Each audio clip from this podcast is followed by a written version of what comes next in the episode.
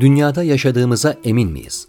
Merve Yiğit Şiir yazmak niyetiyle 7 yaşındayken aldığım bir defterim var. Bugünse çoğu zaman açıp içindekilere gülmek için raftan indiriyorum onu. Şiirlerin yarısı hiç yaşanmamış anılar üzerine yazılıyken diğer yarısı ise enteresan bir şekilde tabiat hakkında.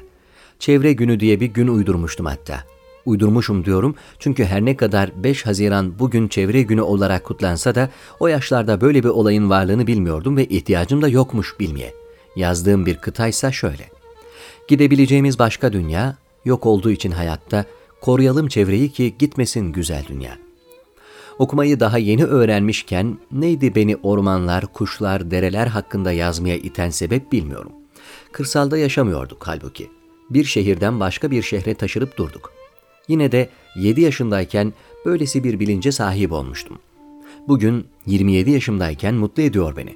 Ya da hayır bilinç değil, sevgiydi bu diye düşünüyorum. Katlen Rayne'de çoğu insanın çocukken tabiatla ilişki kurduğuna vurgu yaparak doğaya yöneltilen ilginin bir içgüdü olarak insan yaratılışında bulunduğunu iddia eder. Doğuştan sahip olduğumuz bu yeti sayesinde çocukken hayvanla, bitkiyle, güneş veya yıldızlarla konuşmamız ve tüm bunlar tabiatı canlı bir özne olarak görmenin ne kadar içsel bir motivasyon olduğunu da gösterir aynı zamanda. Fakat günler geçer, güneş batar, yaprak uçar ve ne yazık ki bizler zaman ilerledikçe bu etkileşimi kaybederiz. Ya da bazılarımız kaybetmez. Çocukluğu geride bırakıp biraz daha büyümüştüm. Fakat ilk ne zaman karşılaştım Kur'an-ı Kerim'deki gözlerimi kamaştıran Saat suresiyle hatırlamıyorum. Gözlerimi kamaştıran dedim evet. Çünkü okur okumaz hayalimde canlını vermişti Hazreti Davud'un kuşlarla beraber zikir çektiğini anlatan ayetler. Ve biliyordum, masal da değildi yazılanlar. Sonra her bir çiçeğin tanrı bilgisi dahilinde açtığını söyledi bana kitap. Ona da inandım. Az kalsın unutacaktım. Saat suresi kuşların yanı sıra dağların da peygamberle zikrettiğinden bahseder. Hani Hazreti Davud'un böğründen demir çıkardığı şu dağlar. An gelir kuşlarla zikir çekecek kadar yumuşar, duaya amin der. Sanırım peygamberler tabiatla arası iyi olan insanlar. Hazreti Muhammed sallallahu aleyhi ve sellem mesela. Dağları gezmeyi severdi. Dağlar o geniş manzarasıyla insana daha derin bir bakış açısı ve kavrayış verirdi. İlginçtir ki Hazreti Muhammed de kendi kalbinin ve insanlığın ufkunu açan ilk ayeti bir dağdayken aldı. Yükseklerde ve yalnızken. Sonra yıllar geçti. Artık İslam o anki mahzunluğundan kurtulmuştu. Bir tek insanlar değil, toprak, su ve hava da sonunda son dinle kavuşmuştu. Okunan ayetleri hayvanlar, yapraklar, kayalar da duydu. Hazreti Muhammed bir gün Uhud dağına karşı bakarken şöyle dedi. Uhud öyle bir dağdır ki biz onu severiz, o da bizi sever. Bu hadis insan dışındaki bir varlığa etik öznelik atfetmenin en güzel örneklerinden birini gösterir bize. Zira Uhud artık öylesine bir dağ değildir. O yetkiye sahip hem de sevmek gibi yüce bir yetkiye sahip dağdır. Bunun yanı sıra derin ekoloji hareketinin fikir babası Norveçli doğa filozofu Arne Naas da insan dışı varlıkları yalnızca maddeye indirgeyen görüşü reddeder. Naes'e göre nehirlerde doğanın ıssız köşeleri de canlı varlıktır ve taşıdıkları değer bizatihi varoluşun kendisinden kaynaklanır. Böylece kullanım değerinin ötesinde tabiat ve içindeki unsurlar bir bütün olarak ekosistemi oluşturmaktadır. Benzer şekilde yeryüzü etiği kavramını geliştiren Aldo Leopold da toprağın değerine vurgu yaparak insanın toprağa karşı sorumluluklarına dikkat çeker. Çevre felsefesine dair bu gibi çoğu kavram ve teori Batı tarafından geliştirilirken acaba İslam'ın ilham verici referanslarına ne oldu diye düşünüyorum. Neyse ki tam o esnada Malezyalı akademisyen Ali Setia'nın İslami derin ekolojiden bahsettiği makalesi geliyor aklıma. Setia bu makalesinde üzerinde yaşadığımız toprağa nasıl davranmamız gerektiğini, Rahman'ın kulları yeryüzünde vakar ve tevazuyla yürüyen kimselerdir ayeti üzerinden açıklayarak farklı bir toprak etiği tasarlıyor. Böylece karanın parçalanması, tarım ve yaşam alanlarının dağılması, habitat kaybı gibi pek çok ekolojik probleme dair insanları ve Müslümanları yeniden düşünmeye zorluyor.'' Müslümanlar demişken, yüksek lisans esnasında aldığım Politik Ekoloji isimli dersimi hatırladım. Sınıftaki tek Müslümanın ben olduğumu söyleyemeyeceğim elbette. Fakat hem İslam inancına bağlı hem de ekolojiye meraklı tek öğrencinin ben olduğumu söyleyebilirim. Bu şaşırdığım bir durum değil, övündüğüm de. Fakat böyleydi işte. Halbuki sevgili Ozan Zeybek hocam insan olmayan varlıklardan ve bunların öneminden bahsettiğinde aklımın İslami referansa kaydığı anlar ne çoktu. Mesela bir derenin de yardıma ihtiyaç duyabileceğini söyleyen Haybin Yaksan, bugün yaşasa derin ekolojist ilan edilebilirdi. Evet, İbni Tufeil'in roman karakteri olan ıssız bir adada kendi gözlemleriyle Tanrı'yı bulan Hay, derenin iyiliğini düşünmenin ötesinde bir dere gibi düşünmemize imkan tanır. Onun sayesinde biz şu soruyu sorabiliriz. Dökülen çöpler yüzünden yolu tıkanan, önüne engeller çıkan ve istediği gibi akamayan dere üzülmez mi? Peki ya suyun akmaması sonucu o dereyle beslenen hayvan ve bitkiler acı çekmez mi? Duygusallıkla kurulmuş naif cümleler gibi gelebilir kulağa. Fakat insanı dünyada halife olarak atayarak insan türüne pek çok sorumluluk yükleyen ve ardından düzene sokulmuş yeryüzünde bozgunculuk yapmayın diye uyarıda bulunan bir dinin inananıysanız eğer, bence hiç de naif değil. Mesela şu ayete kısaca bir bakalım istiyorum. O Allah yeryüzünde size bir döşek yapmış, oradan sizin için yollar açıp gökten de su indirmiştir. Bazı çevirilerde döşek yerine beşik kelimesi de kullanılır ki bunun bende daha sevimli duygular uyandırdığını itiraf etmeliyim.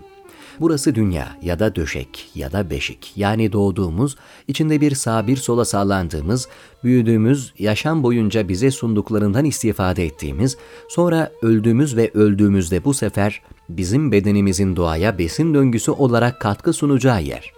İşte ölümle tamamlanan o muhteşem döngü ekolojinin kalbi. Peki ayetin devamında zikredilen gökten inen suyu nerede muhafaza edeceğiz? Yalnızca Kur'an-ı Kerim'in suya atıfta bulunduğu ayetler göz önüne alındığında dahi yeryüzündeki en ciddi su savunucuları Müslümanlar arasından çıkmalıydı diye düşünüyorum. Fakat böyle bir oluşum göremiyoruz. Bugün Türkiye'de su kullanımına dair en etkili faaliyetleri yürüten su kuruluşlarından biri Su Hakkı isimli bir platform ve inanılmaz işler yapıyorlar. Burada şunu belirtmek gerekir ki çevreci adımlar atmak için dindar olmaya gerek yok.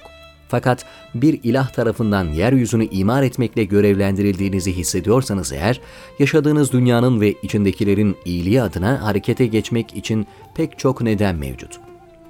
Öncelikle İslam'ın dayandığı çok temel bir fikir var. Tevhid.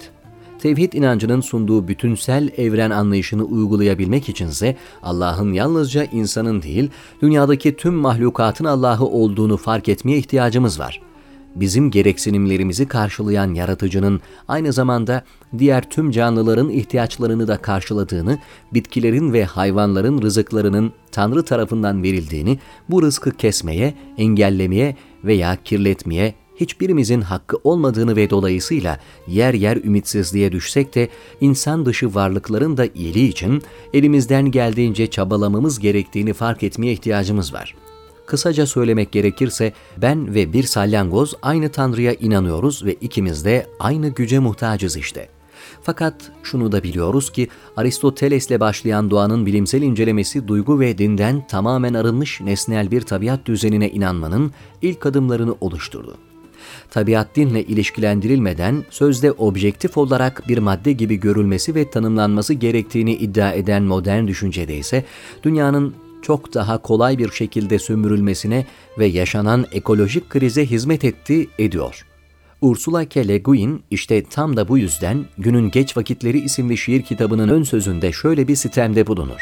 Nesneleştirmenin bizi getirdiği yere bakın ve devam eder.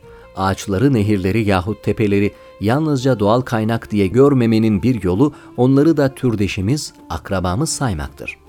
Ursula'nın bu şikayet ve önerisine katılan biri olarak gerek okulda gerek okul dışında ekolojiye dair eğitimler almaya çalışıyorum. Bir gün dahil olduğum ekolojik okuryazarlık eğitiminde şamanizmin ne kadar çevre dostu olduğunu öğrenince ben de İslam'ın tabiata yaklaşımından bahsettim kısaca. Her zamanki gibi sınıfta tektim ve o gün eğitmenlerden biri yanıma gelerek şöyle dedi. Keşke dinler ve ekoloji hakkında daha çok şey konuşabilsek.'' Onun üzüntüsünü ve ne demek istediğini biliyordum. Ekolojiye dair konularda Müslümanlar ortada yoktu ve neredeyse tüm çevreci etkinlikler baskın bir şekilde sol tandansın elindeydi. Halbuki İslam ve hayvan etiği çalışan bir öğrenci olarak şunu rahatlıkla söyleyebilirim ki hayvanlara yönelik otlama hakkı gibi bir haktan bahsetmek dahi mümkün. Mesela yolculuk esnasında hayvanların nasıl beslenmesi gerektiğini anlatan bir hadis var.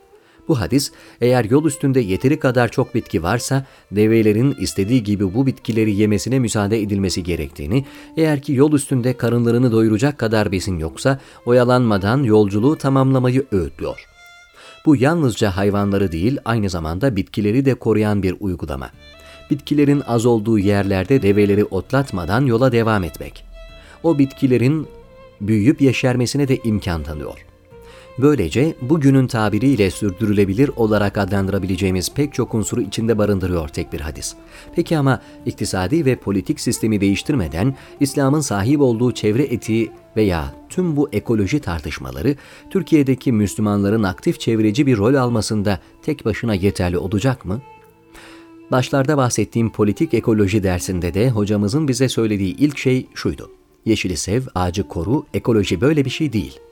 Dolayısıyla ekolojinin siyasi erkleri de içinde barındırdığını fark etmek ve ona göre hareket etmek gerekiyor. Ayrıca romantik çevrecilikten nasıl kurtuluruz sorusu da önemli. Fakat bunlar başka bir yazıda ele alınması gereken konular olarak karşımızda duruyor şimdilik.